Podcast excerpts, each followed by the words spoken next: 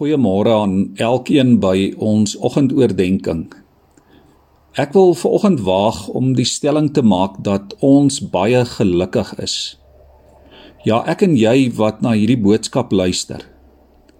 Ek sal toegee, liewe vriende, dat ek nie moet veralgemeen nie. Maar as jy veraloggend gesond is, is jy gelukkig.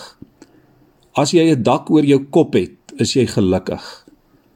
As jy ten minste een redelike ete per dag kan eet, is jy gelukkig. As jy na hierdie boodskap kan luister, dan beteken dit waarskynlik jy het 'n goeie selfoon en genoeg data en daarom is jy gelukkig. En so kan ons seker vanmôre aangaan. Dalk is geluk ook nie die regte woord nie.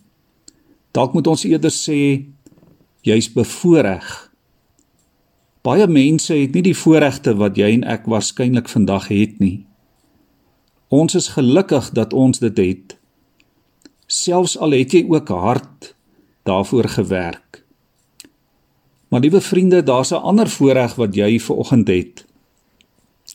Die voorreg van die evangelie. Die voorreg om hierdie boodskap te hoor en dat die Heilige Gees nou deur die woord van God met jou praat. Miljoene mense het nie vandag hierdie voorreg nie. Nie almal is so gelukkig soos jy en ek op hierdie oomblik is nie. 1 Petrus 1 vers 10 tot 12 sê duisende jare gelede al het die profete geïnspireer deur die gees van Christus gepraat oor die evangelie wat jy en ek nou bevoorreg is om te hoor.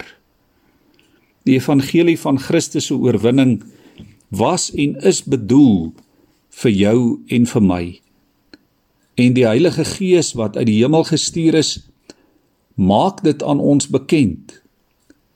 Kan mense soos jy en ek ver oggend gelukkiger wees as dit? Vers 12 van 1 Petrus 1 sê: As jy die evangelie hoor, dan hoor jy dinge waarin selfs engele begeerig is om insig te kry. Sjoe. Liewe vriende, ons is selfs gelukkiger vanmôre as die engele. Kan enige iets ooit weer dieselfde wees nadat 'n mens dit gehoor het? Jy kan nie dieselfde wees nie. Jy kan nie meer dieselfde oor die lewe en oor die wêreld dink nie. Jy kan nie meer op dieselfde manier na jou omstandighede kyk nie. Vers 14 sê Ons kan nie meer lewe soos vroeër, soos mense wat God en sy genade nie ken nie. Ons lewe moet nou heilig wees, sê vers 15. En hierdie heilig beteken juis nie om volmaak te wees nie. Dit beteken nie om te dink ons is beter as ander nie. Hierdie heilig beteken om anders te wees as die wêreld, om tot eer van God te lewe Dit beteken God se belange word jou prioriteite. Jou gehoorsaamheid aan God en sy wil word vir jou die belangrikste in jou lewe.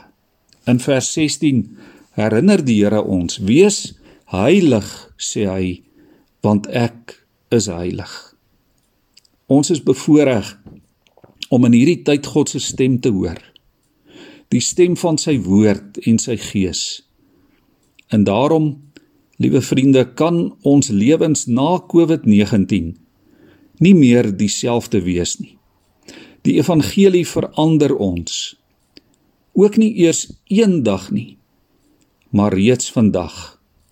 Reeds nou dat ons dit hoor. Kom ons bid vanmôre saam. Here, ons is so bevoorreg en gelukkig. Dankie vir u woord. Dankie vir die evangelie wat deur die eeue weer galm sodat ons dit vandag kan hoor. Here gee vir ons 'n plan sodat miljoene wat nie so gelukkig is nie, ook u liefde kan leer ken. Ons is deel van u plan, Here. Wys ons hoe om in hierdie tyd u liefde te deel met mense wat dit nodig het. Here gee dat ons na dese nie dieselfde sal wees nie verander en vernuwe ons deur u gees. Maak ons heilig soos u heilig is. Amen.